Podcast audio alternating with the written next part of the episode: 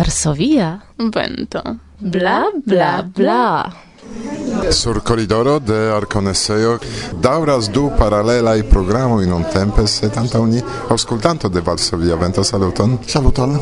Jacek Warda aus Lublino. Kion vi faras ci tie ce koridoro? Mi legas eh, la ondo de Esperanto. Kaj ne estas interesaj du programeroj kiuj nuntempe okazas. Uh, ne. mi non ripozas. Ah.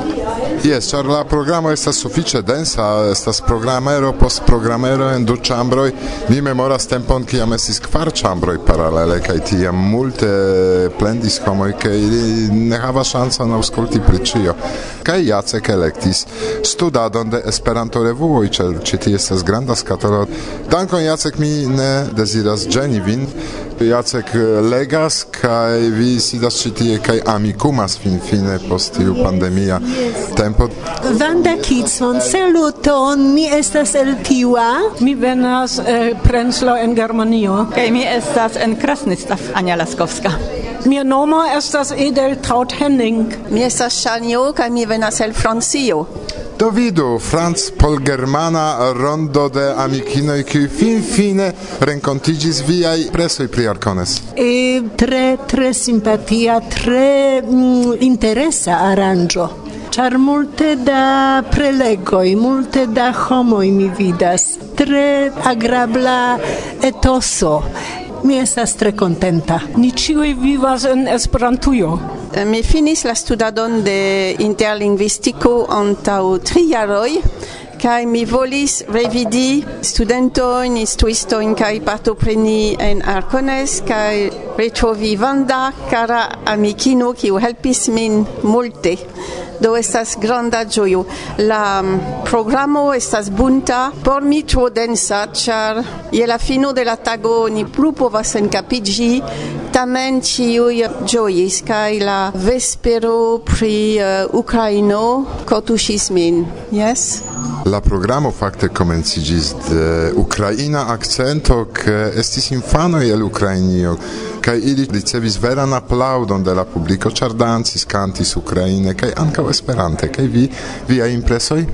A, mi ciam partoprenas, eble ne ciam, sed tre ofte partoprenas arkonecon, ĉar mi opinias, ke ĝi estas plej valora kaj interesa eh, aranĝo en Pollando. Do mi ne malhelpas al vi amikumi, mi iras babili kun la aliei. Prave diris nia franca amikino, ke mankas tempo amikumi simple sidi ekster la programo. Do kaj eh, trapasas min Benia el Szczecin. Eh, saluton. Saluton, mi ĝojas, ke mi denove estas eh, dum miaj tre agrabla in kai precipe mi dankas al Varsovio vento ke estas de nove ĉe ni mi ankaŭ invitis amikinon la suda parto de Polando por vojaĝi al Szczecino vidi mian urbon kaj ĝui la aŭtunan tempon se vi ne rekonis Benia kaj iam vi partoprenis jeson en Szczecino do Benia estis en la organizatamo kaj multon kontribuis. Mi denove invitas vin al Szczecino ciam ciam mia floro kiu mi ricevis donace de amikoj el Varsovia Vento nomigas gis nun Varsovia Vento, bela floro de Irek. Bla bla. Sekvaj personoj ĉe koridoro. Ah, finiĝis iu prelego saluton. Mi estas Silvi el Toulouse. Kaj mi venis speciale por Arcones kelkxu jaron. Antaŭ la pandemio mi venis preskaŭ ĉiam, do mi rekomencas reveni kaj vidi mia pola amikinoj kaj amiko ankaŭ. Saluton, mi estas Halina kaj estas mia dudek sesa Arcones.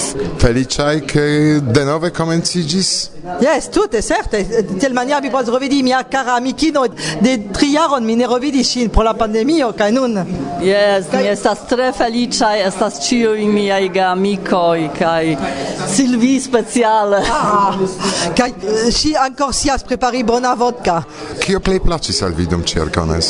Speciale estas tio, kio venis tiom da homoj de diversaj landoj. Mi ĝojas, ke tiu aranĝo ankoraŭ ekzistos. Tio tio estas la espero por Esperantujo. Kaj la libro de Ilona. Tre interesiĝis pri Esperanto kulturo, ĉar mi estas ankaŭ sociologistino, kaj tre interesiĝis tio prelegon kaj tio libroj. Vi iras jen ŝajne manĝi, ĉu aŭ drinki vodkon? Ne, ne, kafumi momente, ĉar ni tro festumis hieraŭ. Kafumi, kafumi. Saluton al ĉiuj aŭskultantoj. Do bonan kafumadon. Dankon. Saluton, mi estas Konrad, Konrado de Lodzo. Eh, mi tre ĝuis ĉi tie kaj mi salutas ĉiujn kiuj aŭskultas Varsovia Vento. To Konrad havas eh, lacon en okuloj, sed ĉiuj ĉi tie havas lacon en okuloj. Estas la aliaj saluton, saluton. Do, mi estas Eduardo Kozira, mi eble estas konata kiel eldonisto de vortaroj Esperanto, angla, pola kaj eh, angla Esperanto, pola Esperanto kaj mi havis ĉi tie prelegon pri mia nova eldono de tiu grandega vortaro. Eduardo el Malborco, do unu el la plej belaj urboj en Pollando kun la plej granda brika kastelo en Eŭropo, ĉu? La plej granda teutona kastelo brika en tuta Eŭropo.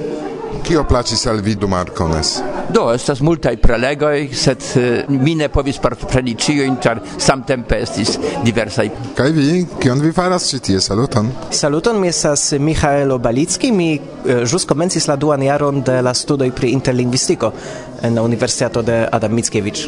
Kio pri Arkones? Estas mia dua Arkones en eh, mia vivo, do mi tre ĝojas ke post tiu pandemia paŭzo ĝi povis eh, okazi kaj nu mi tre ĝojas la la etoson tre ĝuas ĝin kaj estas mojose. Tio ege plaĉis al vi? Eh, ĉio fakte plaĉis al mi, eh, sed la prelegoj mi ĉiam eh, havis malfacilan elekton, kiam okazas samtempe du kiun elekti, ĉar ĉiuj estas vere interesaj.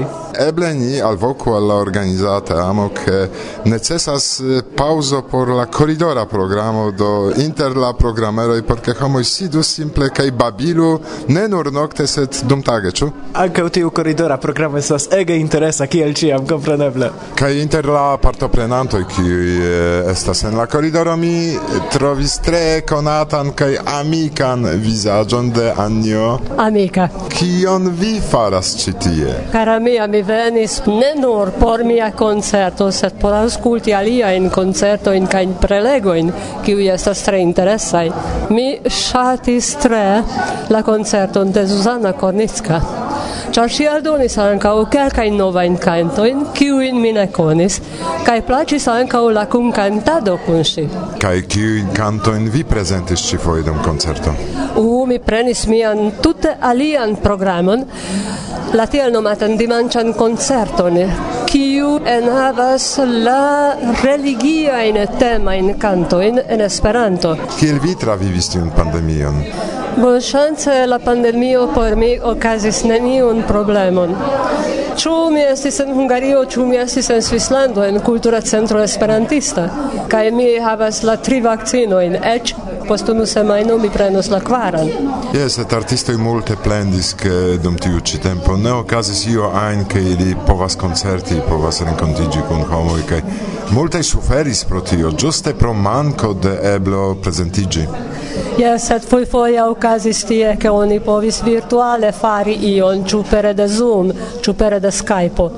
Kai fakte tion mi tre ŝatas Wilhelm Sprick faras tiun canto paradon, kie oni povas sendi cantoin, ĉu filmita, ĉu muzika nur, kaj oni povas eĉ voĉdoni, kiu canto plaĉas la plej bone al la aŭskultantaro, unu ai tri, ancora foje estos aŭskulteblaj ĉe la sekva canto parado.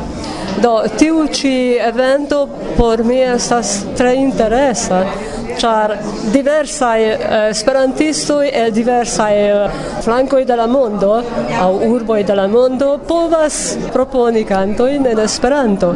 Kion vi ŝatus diri al viaj ŝatantoj amikoj en la mondo nun? Pacon al Ukrainio. Koran dankon, Anjo. Ne dankinde kaj volonte, mi ŝatus deziri al ĉiuj aŭskultantoj de Varsovia Vento tre bonan sanon kaj ĉefe al ukrainanoj estu fino de tiu damna milito kontraŭ ilia lando. Dankon. Tre volonte. Mi vidas sekvan organizanton, kiu ĉiam zorgas eh, pri arkonesejo. Saluton. Saluton. Eh, mi estas Wiesław Libner, kiu regas pri tiu salonoi de domo de culturo de fervoistoi en Poznano kaj mi ĉi tie estas dek eh, okjaroj sed mi ne estas dek okjarano sed preskaŭ sepdek. Ne ne gravas. Kaj mi ĝojas ke mi povas ĉiuj saluti mi havas multe de paroloj kaj mi ĝojas kaj estas multe da exposicioi, concursoi, do esas grave, esas presca same che antaŭe. Do mi salutas denove kaj gis la en sekvonta septembro en Poznano. danko Kaj stelo de nia scenejo estas ne nur sur scenejo Zuza Kornicka, kiu hieraŭ koncertis, sed ankaŭ kiel bufet estrino. Saluton! Saluton al ĉiuj! Kial vi ankaŭ okupiĝas pri organizado? ĉar mi ege ŝatas tion kaj tio estas fakte mia vivo. Mi preskaŭ naskiĝis en Arkonesejo kaj kaj pro tio. Vi kantu iomete hieraŭan kanton kiu plej impresis vin antaŭ publiko. Trista, trista, nun mi estas pro knabino, kiu restas en la verda Ukrainio, kie brulas mia cor pasio, hei, hei, vilanizoi nun forflugo norden gis bankizoi, sonu, sonu, sonorilo, en la stepo sonu sonu nun. Kiam kutime okazas koncerto de Zuza, vi povas ĝui tiun belan ĉarman voĉon kaj vizaĝon, sed ankaŭ en bufedo. Se vi deziras trinki kafon, teon aŭ manĝeti, ĉar ĉi tie estas ĉio por partoprenantoj, ke ili sen foriro havu ĉion por elteni tiun pezan programon. Dankon! Dankon!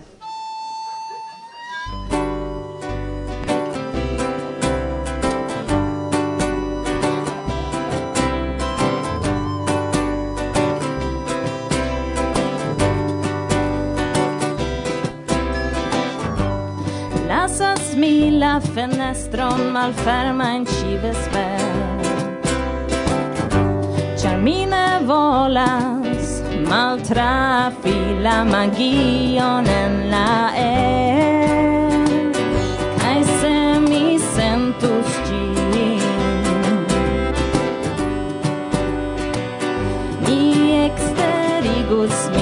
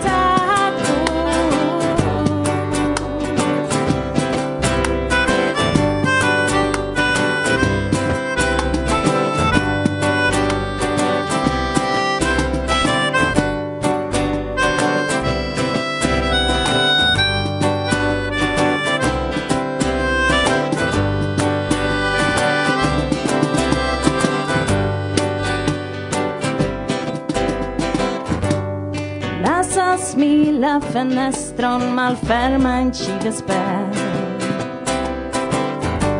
Ĉar mi ne volas maltrafi la magion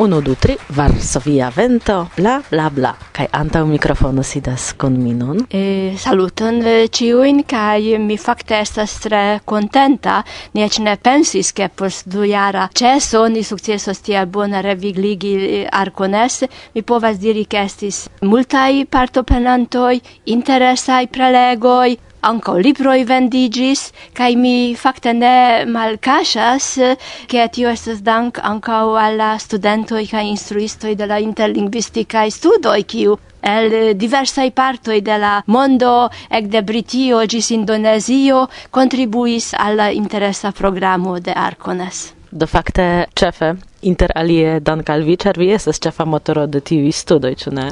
No, jes, fakte, iam ni komencas la dudekvinan jaron de la interlingvistikaj studoj kaj tio bezonas iom da energio, sed mi tre ĝojas, ke mi havas kunlaborantojn kiuj fidele venas kiam mi vokas ilin kaj mi tre dankas al la studentoj kiuj dediĉas ne nur tempon, sed ankaŭ la monon por vojaĝi al Pollando el Brazilo, ekzemple el Koreio kaj eh, tiel plu, kaj krome ankaŭ sian liberan tempon dum tri jaroj por studi en la postdiploma interlingvistikaj studoj, do verŝajne estas tamen io interesa en tiuj studoj. Kiaj estas planoj por eh, eh, futuro se temas pri interlingvistikaj studoj? Do la postdiplomaj studoj, kiuj nun jubileas sian dudekvin jarojn, eh, povas esti ke eĉ fermiĝos, sed estas tre granda ŝanco ke sub alia formo interlingvistiko plu ekzistos en nia universitato. Nome mi ĝoje anoncas ke ekde la sekva studjaro do dudek du dudek tri ni povas startigi surlokajn mag magistrain studoin pri interlingvistiko. Tio estas eh, iom alia formo, kai por tio ni unue vice attendas iunain homoin, volas magistrigi, do estas en tiu agio, kiam ili volas akiri un universitatan diplomon, kai pretas sperti du jaroin en Pollando, ĉu ne la interesan eh, vivon en tute alia lando. Mi audis ke venont septembre en venonta jaro ekos kurs kurso por instruistoj. Temas pri tio, ke tiuj postdiploma interlingvistikaj studoj daŭras tri jarojn kaj en la tria jaro okazas specialiĝoj. Kaj la ĉefa specialiĝo, la konstanta specialiĝo estas pri eh, lingvo instruado, do instruado de Esperanto kaj eh, tiel eh, temas pri la sola instruista trejnado en universitato en la tuta mondo. Kai por tiu specialigio kio por la universitata studento estas la specialigio en la tria jaro, ni kutime alvarbas alia in homoin kiui ne havas pli da tempo ol jaro por dedici al studado de Esperanto kaj ĉefe por akiro de bonaj metodoj. Tiun specialigion vidas Katalin Kovács, kiu estas monde konata metodologistino kaj eh, ŝia personeco kaj metodoj fakte faras eh, miraklojn kaj estas interesa por tiuj kiuj partoprenos ĝin. Mi volonte bonvenigas ankaŭ la aŭskultantojn. Kiu povas aliĝi al tiu kurso kaj kiel maniere? Al la kurso tiu kiu havas finitan mezlernejon povas eh, aliĝi, ĉar tio estas estas nur kunlabora kun la universitato, sed fakte en la tria jaro ili povas partopreni la tutan universitatan mm, oferton eh, en kadre de interlingvistiko, krome estas ankaŭ iuj resumaj kursoj pri gramatiko kaj eh, literaturo, do estas bonvenaj tiuj kiu interesiĝas el ĉiuj eh, aĝoj kaj landoj kaj specialiĝoj se jam havas finitan mezlernejon kaj al la postdiploma interlingvistiko politikaj studo oni devas havi jam iun universitatan diplomon kaj ankaŭ por la magistra studo kiel la nomo diras tio estas dua grada universitata studado do oni devas havi la bakalaŭran gradon el, el iu universitato el iu fako. Kaj kiaj estas uh, viaj planoj por futuro? Kompreneble nun startigi tiujn magistrajn studojn, al kiu nuntempe aliĝis eh, grupo de ĉinaj studentoj el tiu Zhejiang Universitato el Ĉinio, e kiu antaŭ kvar jaroj startigis eh, esperantologiajn studojn.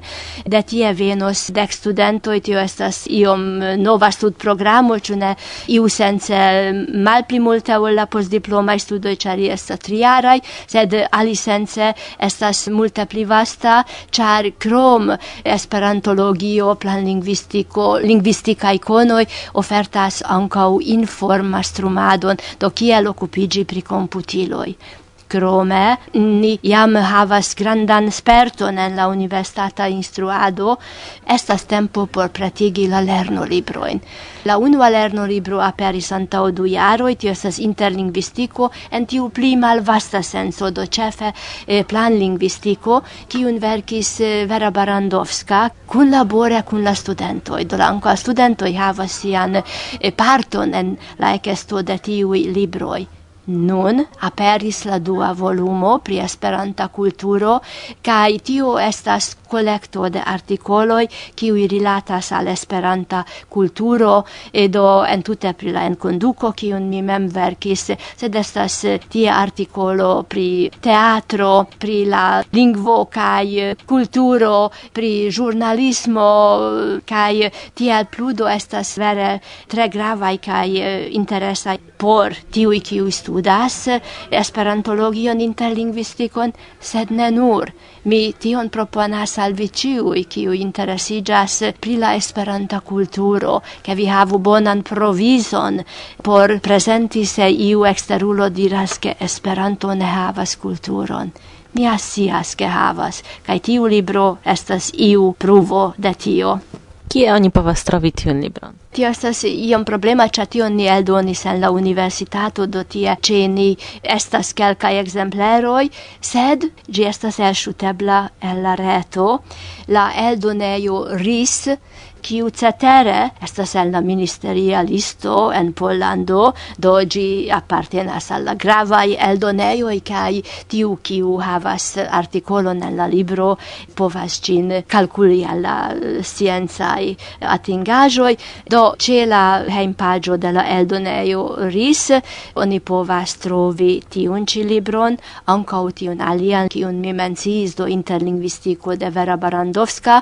La nunan libron vi povas feci sub mia nomo Ilona Kutni, kai mia mal vocas vian atenton se mi estas antaŭ la mikrofono ke ekzistas du aliaj tre interesaj volumoj same eldonita de tiu eldonejo pli precize kunlabore kun la etnolingvistika instituto kaj tiuj aliaj du libroj estis eh, redaktitaj post la kvina interlingvistika simpozio ki okazis antaŭ du jaroj en septembro kaj eh, ili entenas unuavice Esperantajn artikolojn, sed ne nur nia celo estas eh, kunlaborigi esperantistojn kun ne esperantistoj ke oni vidu ke interkultura komunikado bone funkcias en Esperanto kaj ni havu iun komunan eh, eblecon kunlabori eh, do tiuj du libroj kiu estas pri la rolo de lingvoj en interkultura komunikado, tio estas la unua kiu aperis kun dato dudek kaj la alia internacia rolo de Esperanto Esperanto aperis en dudek unu, tie tiuj tri lingvoj, do Esperanto, angla kaj la pola lingvo estas reprezentataj far la artikoloj.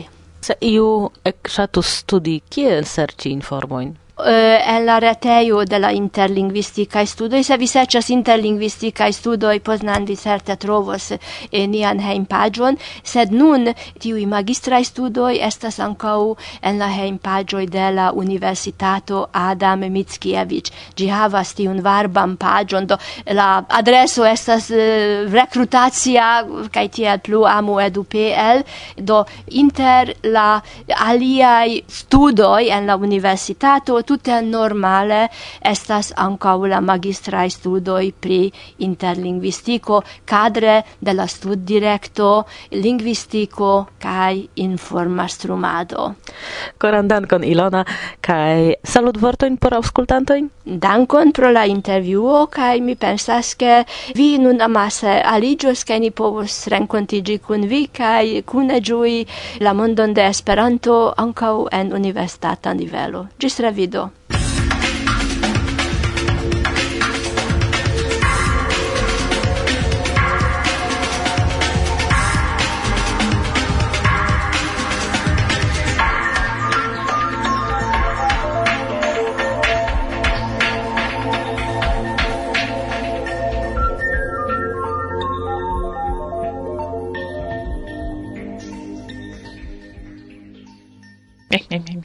Kai tio estas tio kion kadre de la elsendo ni preparis al vi. Reauscultante la programon turnu compreneble attenton pri la textoi en cantoi de la perdita generazio. Nepre. Kaj exciu pli pri la grupo studante ilian subpagion ceni, kaj ne nur. Mi ne sias, ču eblas ankoraŭ aceti kodoin de Lopogo Vinil Kosmo, Kontrolu se vi interesigas, au sendu demandon al ni. Via nome ni demandos. Kai se temas pri muziko, pere de kiu grupo au artisto ni ilustru la sekvan programon? Mm, mi ne scias, eble niei auskultantoi scias.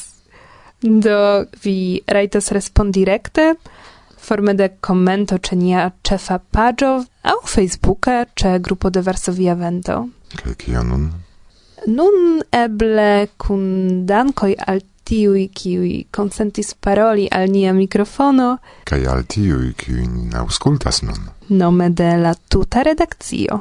Ĉion la plej plej plej bonan deziras al vi Gosia. Kaj Irek. Ĝis la reaŭdo novembre. Ĝis Ĉu ni kuraĝis, ĉu ni kuraĝas, Giuni coraggio salti.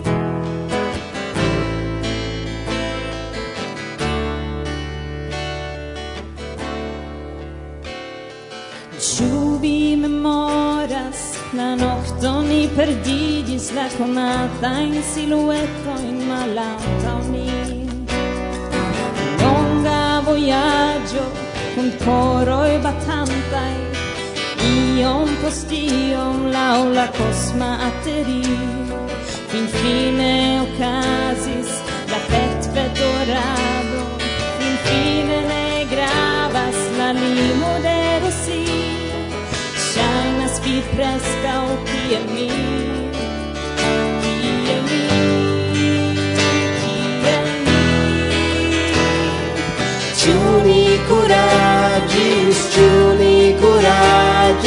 giuri curaggio salti.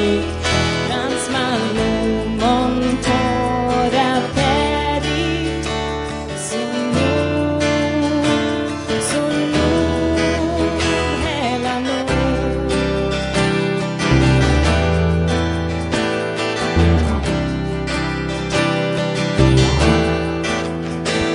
Verŝajne pristeloj kaj ebla pri maroj kaj krome pri ĉieloj volus kanti Se porto in un mancas la tempo malaperis ni cune flugadas al centro de stat neniam reveni nenio cervo timi nenio cerbumanta pritenanta melodi shainas mi preskaŭ kiel vi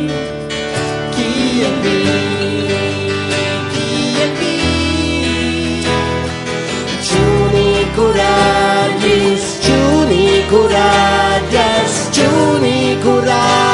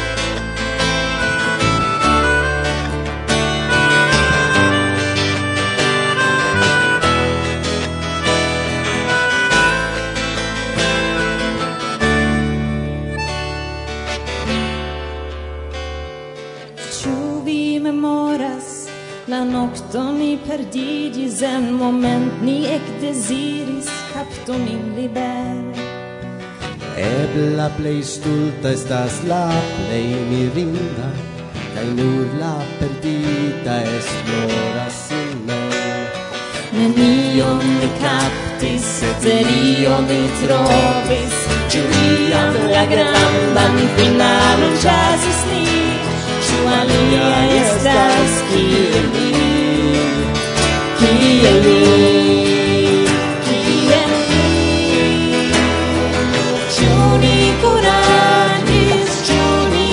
battaglias ciuni coraggio salti Lans malumon por aperi Sur nu e la nun Ciuni coraggis, ciuni coraggio, ciuni coraggio salti Lans malumon